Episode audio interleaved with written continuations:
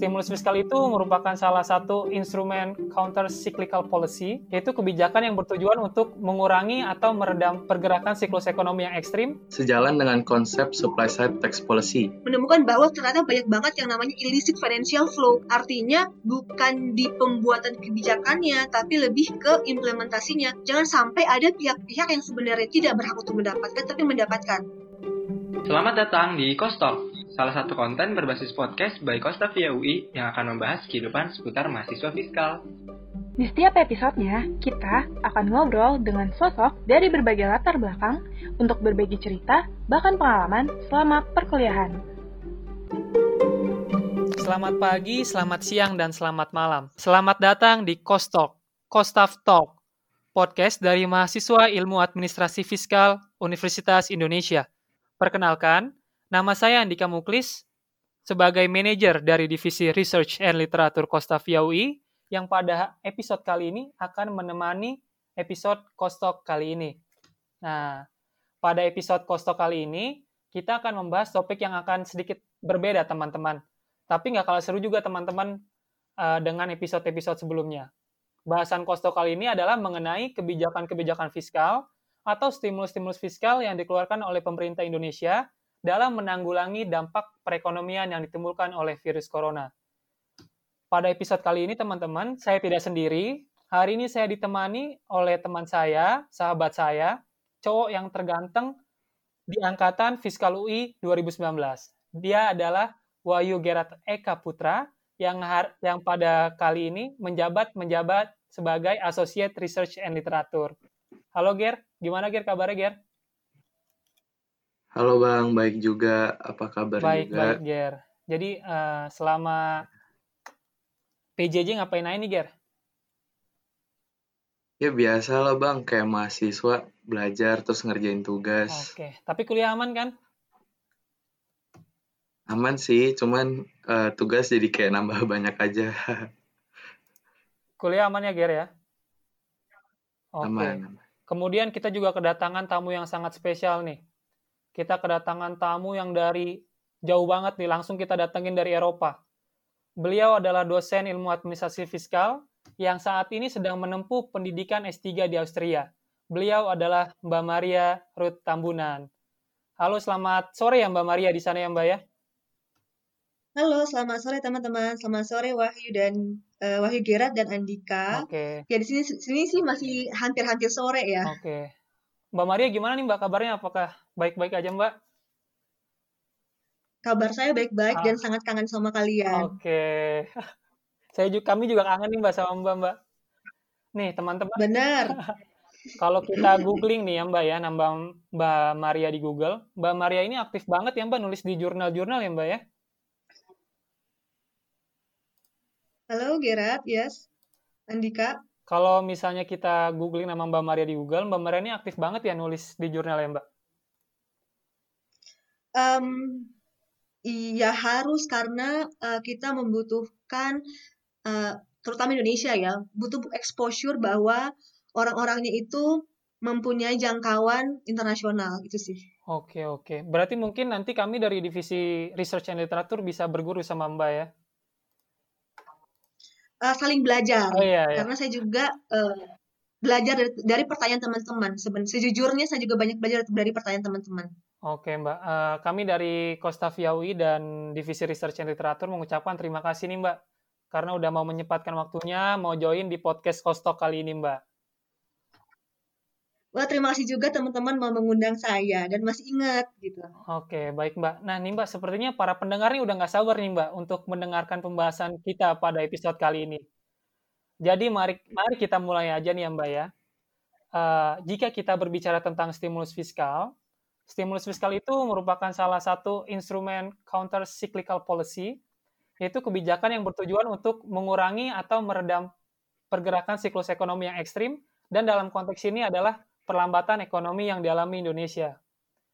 Nah, jika kita melihat nih Mbak, Indonesia telah mengeluarkan stimulus fiskal jilid satunya itu pada tanggal 26 Februari 2020 dengan dana total sebesar 8,5 triliun rupiah nih Mbak, yang di antaranya berisi insentif travel agent dan airlines, insentif diskon tiket pesawat bagi wisatawan mancanegara dan, do dan domestik, serta diskon tiket untuk 10 daerah pariwisata yang terkena dampak dari corona.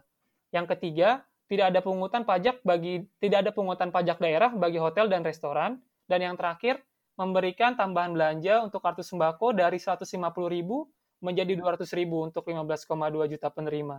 Nah, mungkin di sini Mbak, saya melihatnya sebagai mahasiswa nih agak agak anomali nih Mbak pada bagian stimulus insentif diskon tiket pesawat untuk wisatawan domestik dan mancanegara serta daerah pariwisata di Indonesia yang terkena dampak. Saya di sini melihatnya seperti pemerintah ini kayak menggiring masyarakatnya untuk berpergian nih Mbak di tengah wabah virus corona. Padahal kalau kita berkaca pada negara lain, eh, negara lain tuh setelah menerapkan lockdown dan berupaya mengurangi penyebaran virus dengan cara mencegah masyarakatnya berpergian, Mbak. Kalau dari Mbak Maria segini, Mbak Maria sendiri bagaimana nih Mbak tanggapannya, Mbak? Oke, okay, um, Terima kasih Andika atas pertanyaannya. Um, untuk menanggapi ya mengenai uh, expenditure untuk um, diskon gitu ya. Um, di, di pihak ini saya tidak ingin memperunyam kondisi gitu. Uh, let us think positively gitu ya. Mungkin saat itu um, ini mungkin ke, uh, pilihan kebijakan yang cukup berbeda dari negara-negara lain. Uh, asumsi saya saat itu adalah pemerintah belum uh, belum uh, segitu aware bahwa ternyata dampak dari pandemi ini segitu sebegitu luasnya. Karena mungkin berkaca dari yang pernah terjadi MERS, MERS dan SARS itu um, kondisi tersebut sanggup di di karantina gitu. Maksudnya tidak sampai menyebar se, segini luas. Jadi kemungkinan kalkulasi di awal adalah oke, okay, uh, udah ada seperti psikologi uh, shock perlu untuk mengembalikan keadaan uh, normal seperti itu. Mungkin itu pemikiran sekali lagi ini adalah asumsi saya, mungkin itu adalah pemikiran awal mengapa insentif tersebut diberikan sampai pada akhirnya ternyata wah pemerintah menyadari kalau pandemi ini berbeda sebegitu luasnya, sebegitu cepatnya dan sebegitu um, uh, fatalnya seperti itu. Itu sebabnya mungkin juga kenapa dari kondisi yang memberikan kemudahan untuk pariwisata tiba-tiba berubah dengan adanya revisi-revisi ketentuan berikutnya. Nah, uh, apakah pilihan pilihan kebijakan di awal itu kurang tepat? Mungkin teman-teman akan bilang iya kurang tepat, tapi uh, let's move to the current condition itu sih okay. saya berpikirnya. Oke, okay. baik baik Mbak. Ya, uh, mungkin juga dilanjutkan oleh pemerintah ya Mbak uh, stimulus fiskal jilid 2. Jadi setelah virus corona ini dinyatakan pandemi sebagai pandemi global oleh WHO, pemerintah ini mengeluarkan stimulus fiskal jilid 2 yang menitik beratkan pada industri manufaktur atau sektor manufaktur. Adapun pemberian insentif ini berupa uh, PPh pasal 21 ditanggung pemerintah, pembebasan PPh pasal 22 impor, relaksasi relaksasi PPh pasal 25 dengan pengurangan PPh pasal 25 sebesar 30 persen, dan yang terakhir ada restitusi PPN diper, dipercepat.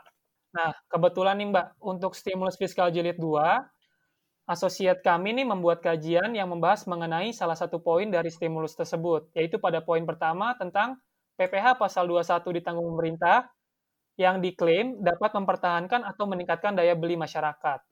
Mungkin nih eh, bisa dipaparkan hasil kajiannya kepada pendengar dan Mbak Maria, Ger? Oke, makasih Bang Muklis. Uh, jadi pada kajian saya ini saya membahas mengenai stimulus jilid 2 yang merupakan salah satu dari stimulus ekonomi yang dikeluarkan oleh pemerintah dalam menanggapi situasi ekonomi Indonesia yang akibat wabah COVID-19 ini.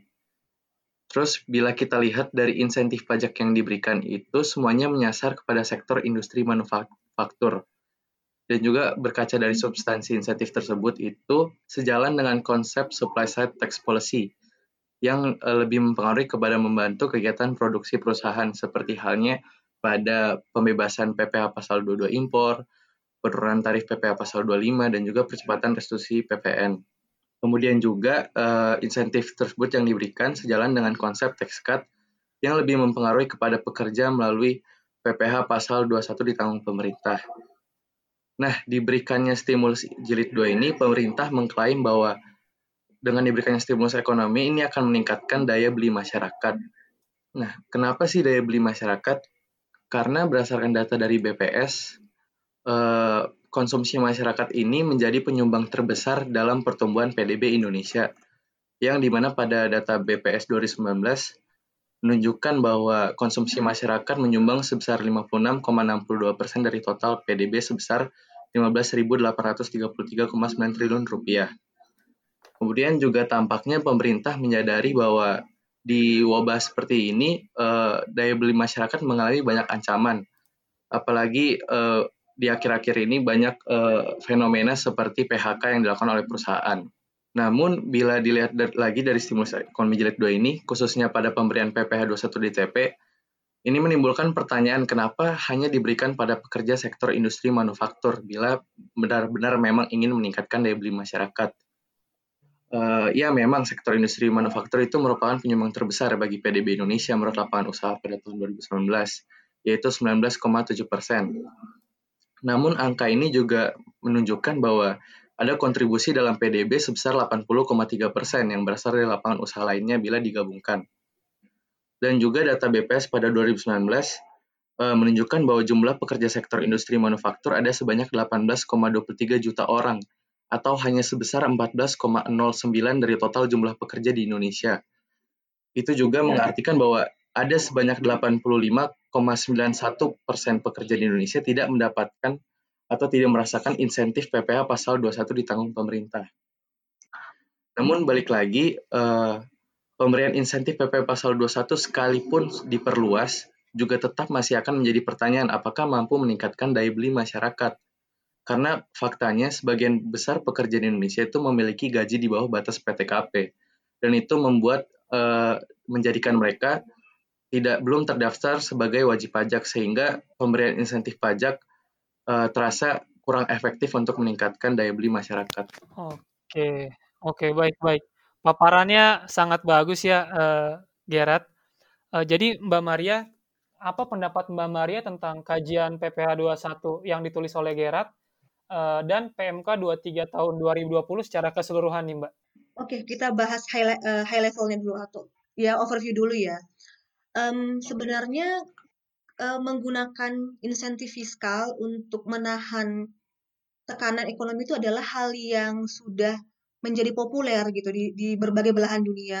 Nah, teman-teman nanti akan saya share platform um, World Bank, UN, uh, OECD terkait penanganan pandemi ini ya dari sisi perpajakan.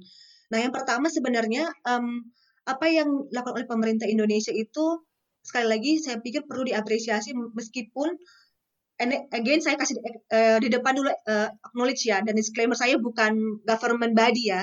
Um, Tapi perlu diapresiasi bahwa um, pemerintah memberikan insentif ini itu dulu yang pertama. Kemudian yang kedua um, tadi seperti Gerard bilang uh, banyak yang tidak tersentuh oleh insentif seperti itu ya. Tapi di sisi lain kita juga perlu mengingat bahwa yang namanya APBN kita itu mempunyai batas, mempunyai uh, slot seperti itu. Nah, sebelum sampai ke sana kita bahas dulu yang overview dulu ya. Uh, tadi saya katakan bahwa uh, sudah umum di negara-negara di belahan dunia di belahan dunia kalau menggunakan insentif fiskal itu sebagai stimulus. Namun sebenarnya kalau kita mau melihat berbagai dokumen yang ditawarkan atau policy brief yang dikeluarkan oleh seperti IMF, UN, dan OECD, sebenarnya ada tiga tier ketika pemerintah mau memberikan insentif. Nah, saya uraikan dulu ya. Baik, tier pertama adalah tier administrasi, yaitu um, simply dengan memberikan kelonggaran submission atau kelonggaran untuk submit SPT. Mungkin bagi teman-teman akan berpikir ini apaan sih? Ini bukan bukan bukan suatu uh, in, bukan suatu stimulus yang benar-benar berdampak gitu ya, tapi itu pun dianggap sebagai stimulus. Simply memperpanjang SPT gitu ya, penyampaian SPT. Seperti sekarang mungkin bukan 31 Maret lagi untuk orang pribadi kan ya, sampai Juni ya kalau nggak salah. Iya. Kemudian tier kedua adalah uh, penundaan pembayaran pajak atau uh, penundaan atau uh, penghentian sementara. Misalnya yang tadinya harus bayar uh, PPh 23 masa, dua, eh, kemudian 4 ayat 2 gitu ya, itu ditangguhkan. Ditangguhkan artinya hanya sementara. Nanti ada masa harus bayar. Namun penangguhan pun itu dianggap sebagai insentif. Itu tier kedua. Kemudian tier ketiga.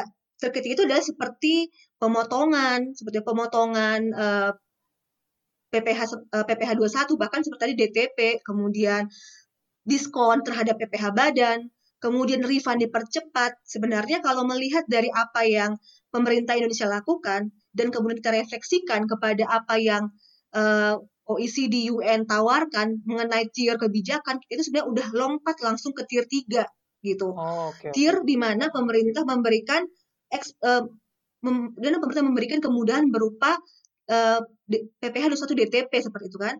Kemudian bahkan kalau teman-teman uh, lihat di Perpu, Perpu yang satu nomor 2020 bahkan di sana udah di grant PPh badan diturunkan menjadi 22 dan 20 seperti itu ya teman-teman.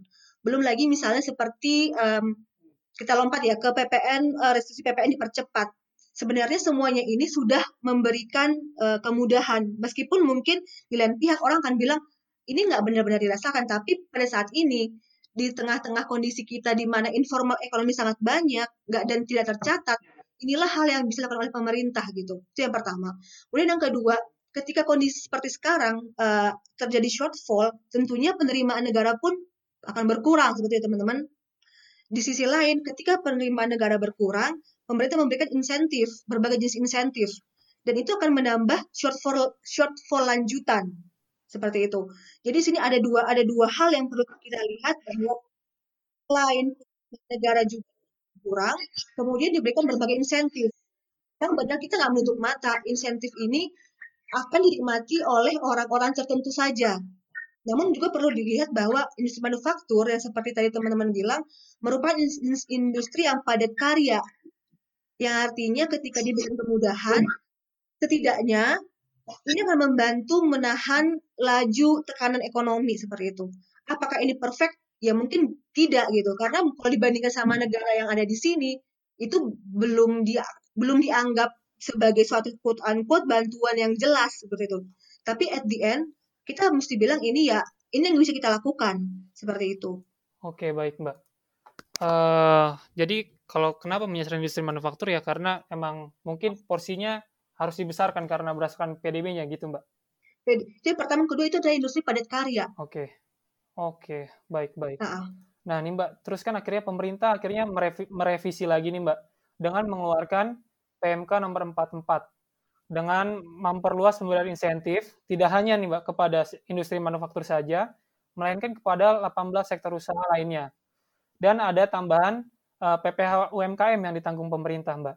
Nah, Apakah perluasan ini mampu memberikan dampak yang optimal terhadap situasi yang sekarang ini, Mbak? Terutama terhadap situasi perekonomian di Indonesia, Mbak? Mungkin kalau bisa dikatakan dengan insentif akan bouncing ekonomi itu kayaknya nggak nggak tidak se, se ekstrim itu gitu. Oke. Okay. Uh, perluasan ini mungkin lebih karena yang berdampak tidak hanya industri yang di awal di awal saja yang hanya 11 kalau nggak salah ya.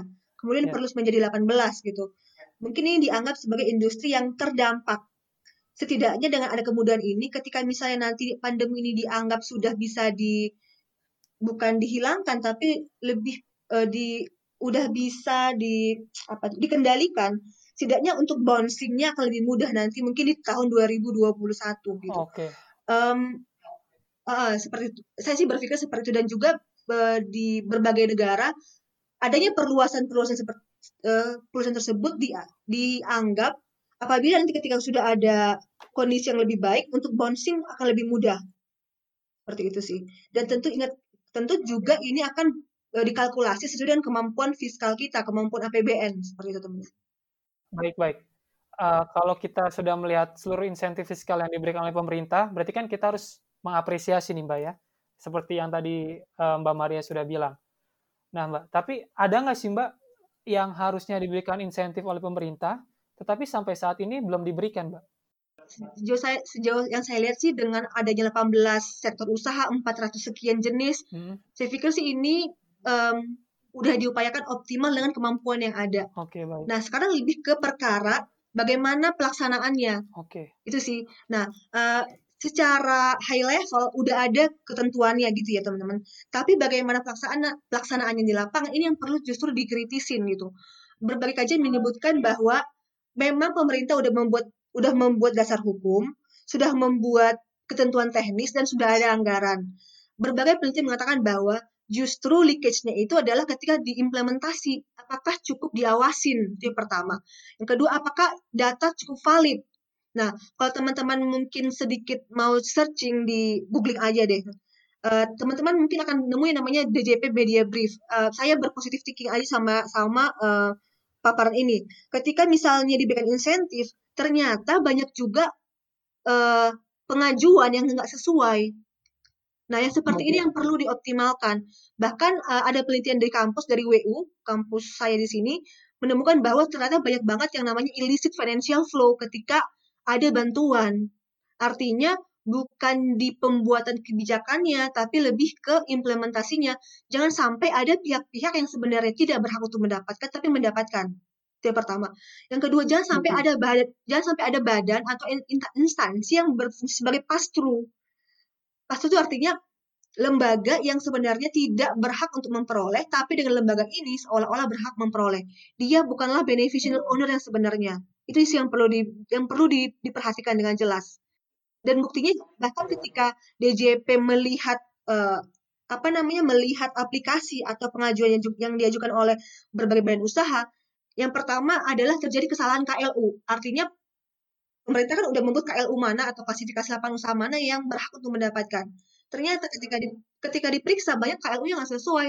Eh kamu bukan bukan kamu yang berhak mendapat, tapi dia mem, apa di instansi ini atau institusi ini mengajukan kemudahan gitu, mengajukan insentif yang seperti ini dan diharapkan juga teknologi bisa berperan uh, berperan optimal di sini untuk berusaha apa untuk transparan seperti itu ketika dia diajukan uh, insentif benar-benar orang yang membutuhkan atau benar-benar instansi yang atau atau um, badan yang benar-benar terdampak lebih ke situ sih. Dan sepertinya banyak juga yang di reject karena KLUW yang tidak sesuai itu yang pertama. Dan yang kedua perhitungannya nggak jelas. Seharusnya untuk meminta kemudahan misalnya potongan gitu ya, misalkan pada tahun pajak 2018 untuk 2019 atau 2019 untuk 2020. Kenyataannya dasar berhitungnya itu yang nggak jelas seperti itu.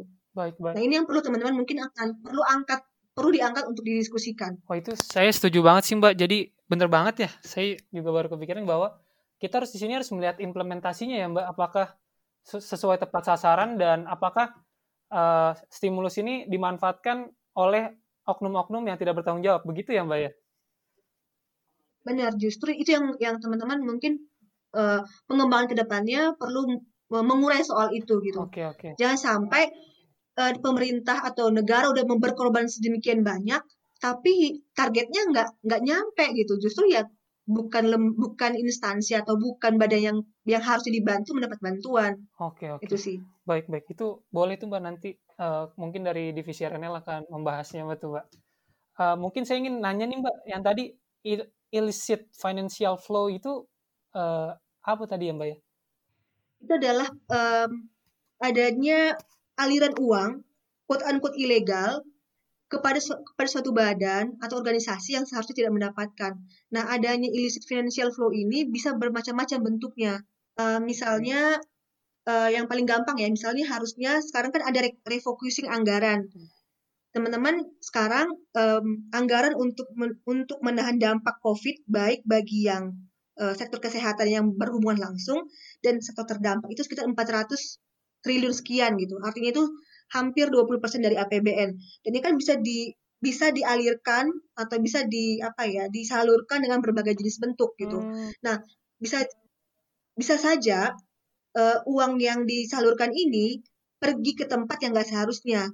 Nah, uang yang tidak yang pergi ke tempat yang tidak seharusnya melalui suatu badan pass through namanya atau um, apa ya purpose vehicle uh, ke lembaga yang tidak seharusnya disebut sebagai illicit financial flow.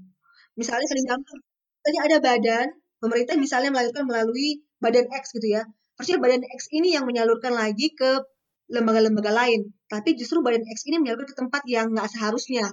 Melalui berbagai jenis berbagai jenis uh, transaksi atau berbagai jenis dokumen sehingga seolah-olah adanya aliran uang ke tempat yang nggak jelas ini menjadi legal. Sebenarnya kalau misalnya bisa sampai ke lembaga yang nggak seharusnya itu pun bisa dianggap sebagai illicit financial flow gitu. Makanya perlu perlu banget data dan verifikasi sih. Oke, jadi illicit financial flow itu kayak penyaluran dana ke yang tidak seharusnya intinya ya Mbak, seperti itu ya Mbak ya? Yang tidak seharusnya. Oke. Iya. Oke, baik, baik. Uh, mungkin dari Wahyu Gerat ada yang ingin dipertanyakan lagi atau ditambahkan? Uh, mungkin itu benar banget sih Mbak. Kayak mungkin kita juga lebih harus memperhatikan pada implementasinya, uh, nggak sekedar pada uh, insentif-insentifnya saja, tapi harus lebih keberlanjutannya itu pada implementasinya. Oke, terima kasih banyak Mbak. Sama-sama. Oke, baik Mbak. Uh, jika tadi kita berbicara tentang Indonesia, sekarang saya ingin berbicara tempat Mbak mengemban pendidikan nih Mbak. Waduh, mengemban. Saya cuma student loh, kok oh, iya. Kayaknya berat banget. nih Mbak, kalau saya lihat nih ya Mbak, berdasarkan data statistik tuh Austria itu mengalami peak season COVID-19 pada akhir Maret ya Mbak ya? Iya, um, saya cerita dulu sini ya. Jadi sebenarnya uh, saya karena saya berjauh dari Indonesia ya, um, saya tidak bisa bilang um, bukan bilang Indonesia udah tanggap banget, tapi di mana-mana pun orang pada kaget gitu ya. Contohnya seperti ini. Pada bulan Maret tanggal saya ingat banget 16, 17, 18 kami masih melakukan conference Uni Eropa di kampus. Kita udah tahu ada pandemi tapi saat itu kita tidak seperti tidak benar-benar mengetahui bahwa ternyata secepat itu menyebar, seinfeksius itu, sefatal sefatal itu. Jadi kita tidak sejujurnya tidak sampai sam, tidak berpikir akan seperti sekarang. Itu sebabnya kenapa bulan Februari pun kita masih melakukan conference. Sampai ketika tiba-tiba pandemi ini sampai ke Vienna di, dan di Tirol dan menyebar sangat cepat. Dan tiba-tiba bulan Maret semua ditutup gitu. Itu benar-benar membuat suatu apa ya uh, psychological shock bagi bagi kami. Bagi saya sih, mungkin yang lain enggak saya sih cukup shock karena tiba-tiba semua lockdown, semua lockdown terus di di apa namanya di grocery juga tiba-tiba barang-barang habis itu benar-benar bikin kondisi psikologis cukup bukan terguncang tapi kaget seperti itu ya teman-teman. Ya baik, uh, uh, baiknya lagi baiknya pemerintah sangat tanggap seperti itu. Nah di sini apa yang di apa yang di pemerintah buat untuk menghadapi pandemi ini sebenarnya nggak jauh seperti apa yang dilakukan Indonesia. Seperti misalnya kayak uh, pengurangan PPh PPh 21 saya bilang sini uh, personal income tax kemudian uh, jadi ini tergantung ke lebih ke subjek ke individu dan korporasinya. Ada yang penundaan penyampaian SPT, ada yang pengurangan penghasilan, ada yang bahkan mungkin e, diberikan kemudian sampai nol. Artinya nggak bayar, tapi tentu ini berdasarkan kondisi wajib pajaknya. Nah, di sini karena sudah cukup terdata, jadi pemerintah bisa dengan mudah melihat individu A dan individu B mungkin akan berbeda. Individu A yang adalah penghasilannya benar-benar di batas PTKP mungkin dia diberikan kemudahan dengan tidak perlu bayar. Tapi individu B yang cukup tinggi di atas PTKP mungkin pengurangan, pengurangan pajak penghasilan. Jadi benar-benar subjek to individu. Kalau Indonesia kan dia lebih ke jenis industri gitu ya, industri manufaktur diberikan kemudahan lebih besar daripada industri yang lain gitu, mungkin service gitu. Nah di sini karena mungkin sudah terdata, jadi bisa diberikan per individu untuk PPH badan untuk PPH orang pribadi. Tapi untuk badan lagi-lagi di, dicek per jenis badannya. Misalnya industri pariwisata yang paling terpukul diberikan kemudahan lebih lebih besar daripada industri yang yang lain gitu. Uh, airlines sangat terpukul diberikan kemudahan uh, untuk airlines. Nah, kemudahannya apa? Sama seperti Indonesia, pengurangan uh, eh, PPH badan.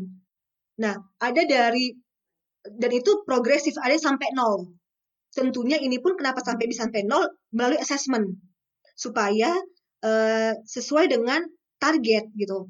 Nah, sampai kapan ini diberikan? Sampai Oktober 2020. Dan apakah negara yang sanggup memberikan?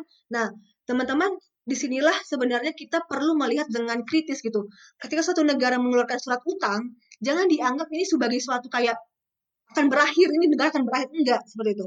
Nah, Austria sekalipun Austria sekalipun dengan kondisi seperti ini, mereka develop country, pemerintahnya sekarang sudah mengeluarkan surat utang kepada publik.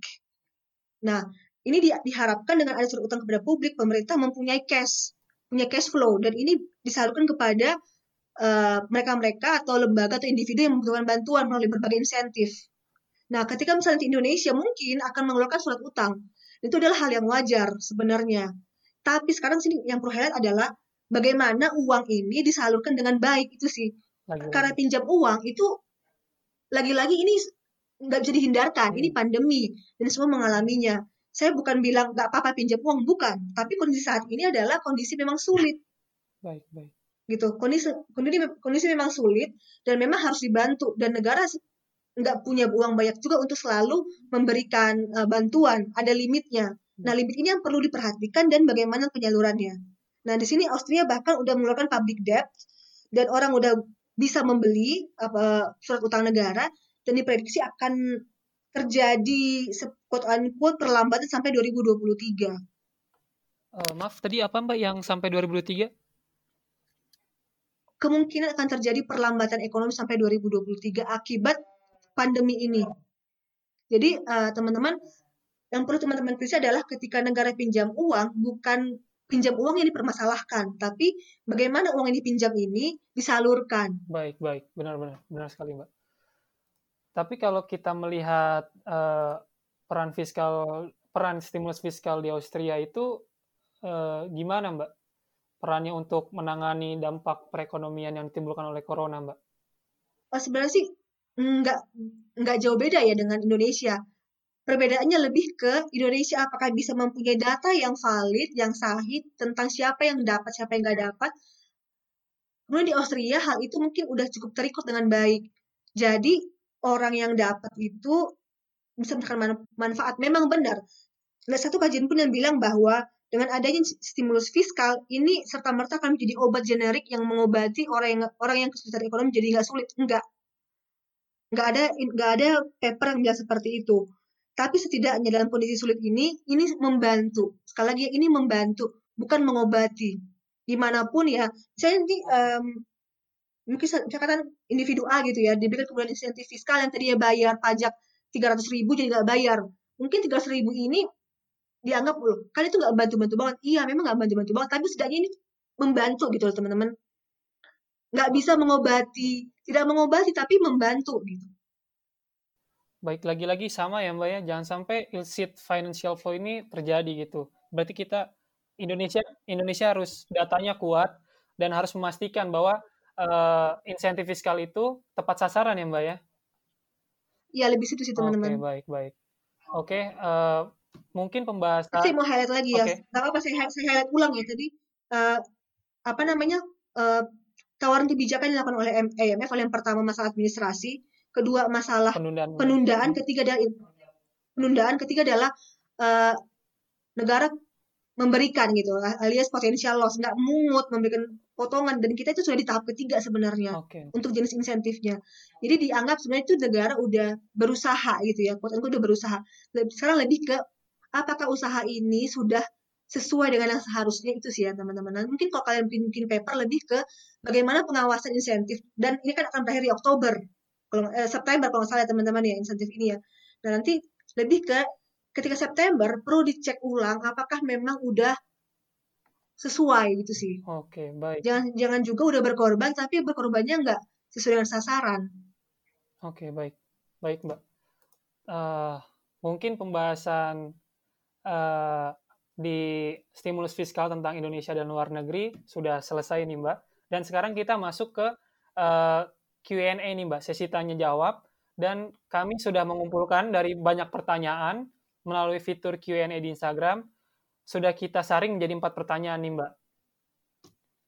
Uh, pertama ada pertanyaan dari uh, Ketua Kostaf, Florencia Malau. Uh, apakah... Oh, Florence sekarang Ketua Kostaf ya? Iya, jadi Ketua Kostaf ya Mbak uh, apakah stimulus fiskal yang diberikan ini akan meningkatkan tingkat pengangguran, Mbak? Jadi maksud Kak Floren di sini adalah ketika uh, mungkin diberi subsidi terus, itu akan nge-discourage para pekerja-pekerja dan ngebuat para pekerja yang pengangguran itu, aduh udah enak nih dapat uh, bantuan dari pemerintah terus, seperti itu Mbak. Oke, okay, um, yang pertama saya disclaimer dulu ya, saya nggak saya nggak bisa saya nggak bisa modeling saat ini dalam konteks ketika ditanya saya langsung bisa jawab dengan data yang presisi gitu baik, ya. Baik. Nah, uh, uh, saya ini mungkin sangat common sense gitu ya. Um, dalam kondisi saat ini sebenarnya bantuan yang diberikan oleh pemerintah itu bagi orang yang mendapatkan saat oke okay, uh, saya perlu kasih tahu bahwa jumlah orang sulit atau jumlah kemiskinan saat ini itu jauh jauh meningkat dari sebelum pandemi gitu ya.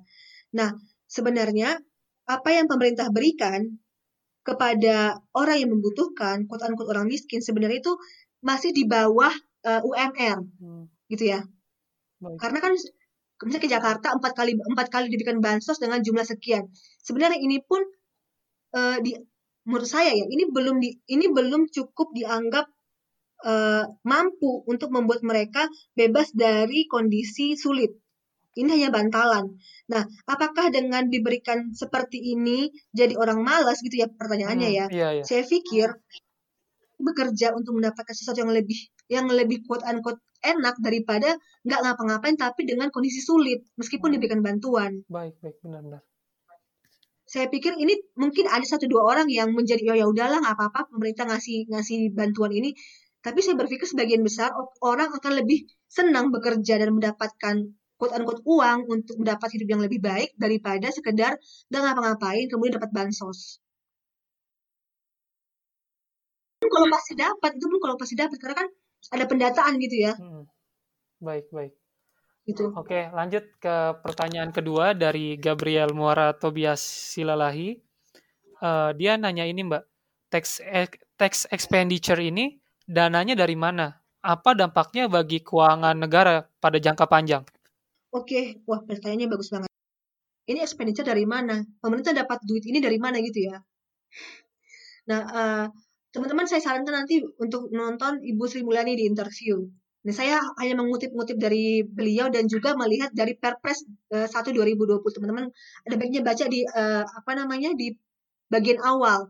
Nah, dari mana dapat duit ini? Yang pertama kan kita juga kita mempunyai uh, uh, dan dana yang disimpan di di Bank Indonesia, kemudian penghasilan uh, negara yang dibayarkan dalam artian wajib pajak yang masih membayarkan, Kemudian ada dana-dana abadi dan yang ketiga dan ya, yang kemudian adalah uh, melalui mohon maaf mungkin nggak enak dengar surat utang.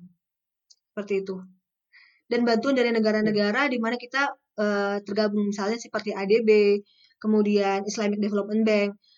Jadi bantuan ini ya tadi yang pertama dari penerimaan yang masih ada meskipun shortfall teman-teman pasti udah lihat bagaimana jatuhnya penerimaan, tapi itu pun masih dipakai. Kemudian yang kedua dana dana abadi yang dimiliki oleh Indonesia yang disimpan yang disimpan di BI. Kemudian dari surat utang, kemudian uh, dari ekspor yang masih yang masih berjalan. Ya itu teman-teman. Oke. Uh, mungkin yang dampaknya bagi tadi ya apakah apakah ada dampaknya gitu ya, benar, ya teman-teman tadi apakah ada dampak iya ada dampaknya ya ada dampaknya karena gimana pun ketika kita punya simpanan itu diambil untuk mengembalikan lagi itu butuh waktu yang yang cukup banyak itu yang pertama. Kedua, ketika negara mempunyai surat utang, tentu jumlah utangnya akan semakin banyak. Dan nanti uh, ketika misalnya su sudah bounce atau ke kondisi kembali kembali sudah baik, katakan 2021, kita punya PR untuk balikin untuk mengembalikan utang-utang tersebut. Baik. Kemudian karena sekarang ada refocusing anggaran, artinya kan selama ini sebelum pandemi ada pembangunan di mana-mana, baik pembangunan fisik maupun pembangunan uh, eh, SDM gitu ya. Tentu pemulihan pertama adalah pemulihan kondisi kesehatan dulu, yang artinya mungkin untuk beberapa saat ke depan pembangunan pembangunan fisik mungkin akan dihentikan sementara. Penghentian penghentian pembangunan fisik artinya mungkin uh, misalnya jalan yang tadinya mau bikin 100 seribu kilometer jadi di, di, jadi nggak bikin jadi nggak bikin dulu gitu ya hmm. bikin jembatan hmm. yang tadinya bikin berapa berapa panjang nggak bikin dulu artinya ini pun berpengaruh kepada mobilitas kita gitu. Mobilitas kita kemudian berpengaruh juga kepada supply chains yang mungkin sebelumnya cukup lancar kemudian dengan adanya pengurangan tidak sebaik sebelumnya tentu ini akan berimbas sebenarnya. Oke oke. Baik. Oke. Sudah terjawab dari Mbak Maria ya. Uh, langsung kita ke ke pertanyaan nomor tiga nih Mbak. Mungkin ini dari saya sendiri Mbak nih. Saya muncul pertanyaan kalau misalnya misalkan nih Mbak paling worst case-nya ini tidak tepat sasaran nih Mbak uh, stimulus fiskal yang diberikan. Apa yang akan terjadi Mbak? Kalau nggak tepat sasaran berarti ya yang pertama uh, terjadi pengorbanan sia-sia artinya duitnya udah habis hasilnya tidak sesuai diharapkan kemudian yang kedua adalah orang yang seharusnya mendapatkan akan di kondisi yang lebih sulit itu sih akan di kondisi yang lebih sulit dan mungkin uh, akan bertambah juga jumlah yang quote unquote yang jadi korban. Oke. Oh, berarti uh, siapa sih Mbak yang pihak yang harus benar-benar memperketat pengawasan ini Mbak? Kalau untuk masalah insentif tentunya uh, dengan full of respect pasti uh, ada di tangan Kementerian Keuangan khususnya dengan khususnya di DJP karena DJP lah yang mengoreksi, yang melihat, yang meng, men, apa namanya memeriksa apakah wajib pajak A, B, C itu berhak untuk memperoleh. Itu lebih ke insentif. Tapi lebih ke seperti social safety net uh, ada di ada di kementerian ada di kementerian uh, apa namanya sosial dan bekerjasama dengan masing-masing pemerintah daerah. Tapi untuk insentif itu ada di DJP sebagai pihak yang implementer seperti itu. Ada di Kementerian Keuangan. Oke oke, baik baik. Uh, selanjutnya ada pertanyaan dari Kak Andini Soraya. Menanggapi menanggapi stimulus fiskal yang diberikan hingga September 2020 dan melihat bahwa pandemi ini kemungkinan akan berkepanjangan maka perlukah kebijakan pajak tambahan untuk mengantisipasi dampak pandemi ini khususnya dilihat dari segi ekonomi? Kalau perlu, kalau jika perlu, bentuk kebijakan seperti apa? Insentifkah atau perluasan pajak, perluasan basis pajak atau yang lainnya? Sebenarnya um, ini sangat dinamis ya teman-teman. Jadi uh, apa yang terjadi saat ini atau apa yang diputuskan saat ini belum tentu bisa relevan untuk dua bulan lagi gitu. Jadi nggak cuma di Indonesia di sini juga di Australia juga. Ini serba wait and see. Uh, itu yang pertama. Yang kedua ketahanan fiskal kita pun tentu perlu diperhatikan. Tidak mungkin pemerintah selamanya memberikan insentif seperti itu. Um, itu sebabnya juga kenapa sangat selektif. Kalau dikatakan apakah uh, perlu insentif lagi atau perlu perluasan basis pajak baru itu sangat subject to condition okay, gitu. Uh, sebenarnya di Perpu 1 2020 itu udah mulai udah mulai ada uh, inisial untuk adanya seperti PSME itu. Teman-teman mungkin udah udah aware kalau misalnya membeli barang dari luar negeri kemudian dikenain pajak gitu ya. Kalau misalnya mau langganan langganan um, e-commerce X gitu ya, kalian mau beli Spotify atau mau beli uh, apa langganan Netflix akan dikenain pajak. Sebenarnya itu adalah bentuk dari bagaimana pemerintah hmm. mencari basis pemajakan baru supaya dapat sumber penerimaan Oke. Okay, itu sih. Okay. Kemudian apakah akan terlalu akan apakah ter, akan selalu ada insentif? Saya pikir tidak mudah untuk memberikan insentif yang berkepanjangan. Bahkan sebenarnya uh, ada ilmuwan namanya John Layton Burton bilang bahwa yang namanya insentif itu harus bukan harus, yang namanya insentif itu adalah bersifat sementara, tidak bisa berkepanjangan karena negara pun punya daya tahan uh, tersendiri gitu. Oke okay, baik. Jadi uh, mungkin kita tidak expect ini akan panjang Baik. Insentif ini mungkin tidak bisa panjang. Oke, baik, baik. Uh, sudah terjawab ke Andini Soraya. Dan selanjutnya, berhubung nih Mbak, tadi Mbak menyinggung tentang Netflix, tentang Spotify. Ada pertanyaan terakhir dari teman saya, Andre Wijaya. Uh, dia bilang, pemajakan atas transaksi, transaksi digital ini masih cukup bermasalah nih Mbak. Tapi tiba-tiba pemerintah mengeluarkan regulasi seperti PMSE ya. Kira-kira uh, Mbak apakah apakah akan terjadi dispute lagi nih Mbak? Seperti halnya regulasi atas transaksi digital yang pernah keluar tahun sebelumnya. Mungkin PMK 210 yang beliau maksud ya. Sebenarnya ya, itu bukan dispute ya teman-teman. Uh, ada namanya um, text connecting factor. Kalau ngomong soal teori ya.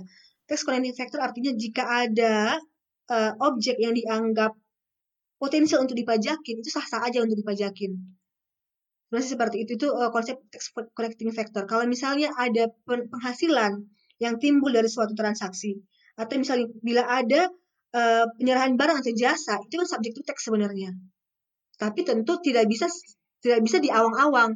Kalau ada penghasilan dipajakin, tapi ada nexusnya apa? Apa yang mau dipajakin?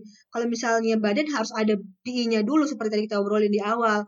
Kemudian kalau misalnya ada uh, pembelian dan penjualan harus ada dulu uh, harus ada dulu taxable personnya gitu harus ada dulu PKP seperti itu teman-teman.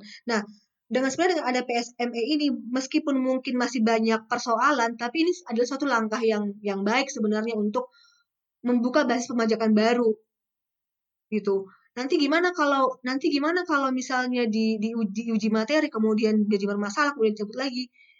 Well, sebenarnya ini adalah keniscayaan di era digital sekarang gimana pun harus dipersamakan pembelian dengan konvensional kalian beli barang di di apa namanya di toko sama beli barang melalui internet seharusnya dipersamakan. Sekarang lebih ke uh, bagaimana menyiapkan infrastrukturnya untuk bisa dipajakin.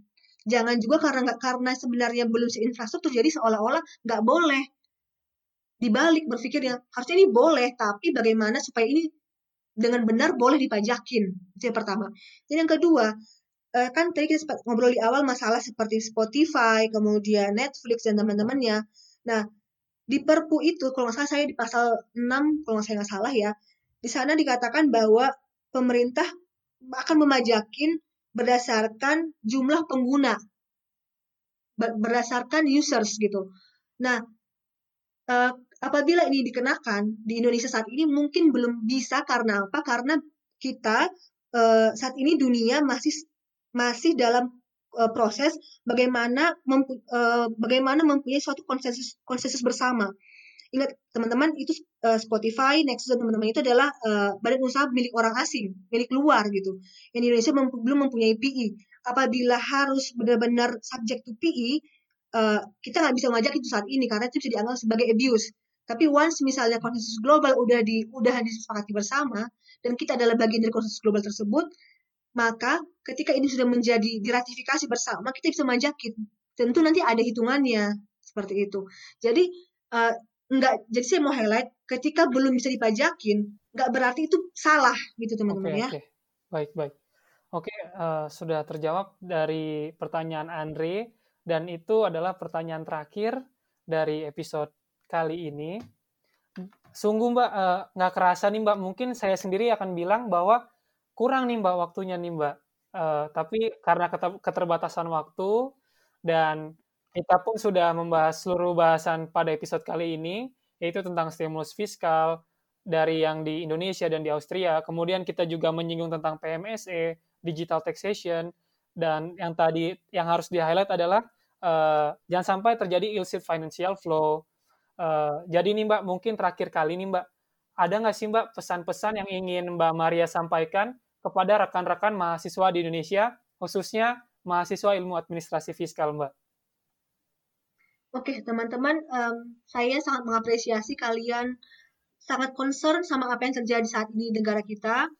Uh, tetap tetap kritis, tetap melihat dan kembali lagi teman teman-teman ketika ingin memberikan komentar didasarkan yang pertama misalkan dengan good faith, yang kedua um, tidak sekedar berkomentar tapi juga bisa memberikan solusi itu sih. Oke. Oke, terima kasih Mbak Maria atas pesannya dan kami juga ingin berterima kasih kepada Mbak Maria atas kesempatan waktunya yang udah mau menemani kami berdua saya dan Gerat pada Kostok kali ini dan saya saya dan Gerat ah, mohon maaf nih Mbak jika ada salah-salah kata. Uh, mungkin pesan dari kami adalah semoga Mbak Maria baik-baik saja di sana, diberikan kesehatan oleh Tuhan Yang Maha Esa, dan diberikan kelancaran Mbak dalam menempuh pendidikan S3 di Austria. Kami, seluruh mahasiswa ilmu administrasi fiskal, sangat menantikan kedatangan Mbak Maria untuk pulang kembali lagi ke Indonesia dan mengajar lagi Mbak pastinya di Fakultas Ilmu Administrasi Mbak. Baik, terima kasih uh, Andiko saya jadi pengen berkaca-kaca ya. Uh, terima kasih teman-teman um, atas doanya. Saya juga berharap kalian di sana baik-baik, kemudian studinya lancar. Um, Semoga kita bisa bertemu di waktu yang lebih baik lagi dengan kondisi yang lebih baik. Saya sangat, saya sangat kangen sama kalian. Baik, baik. Saya juga kangen nih, Mbak. Uh, Oke. Okay. Saya juga sebagai mahasiswa baru nggak sabar buat diajar sama Mbak Maria. Oke, okay, mungkin Gerard bisa aja. Oke, okay, mungkin dari Gerard ada yang ingin ditambahkan lagi? Udah sih beneran nggak kerasa banget kayak pengen nambah lagi waktunya, cuman ya gimana udah di ujung penghujung acara juga kan. Jadi makasih banyak banget Mbak Maria. Makasih Gerard. Oke. Oke, terima kasih kepada semuanya yang sudah mendengarkan Kostok kali ini. Saya Andika Muklis dan teman saya Wahyu Gerat. Kami pamit undur diri. Sampai jumpa di episode Kostok berikutnya. Dadah.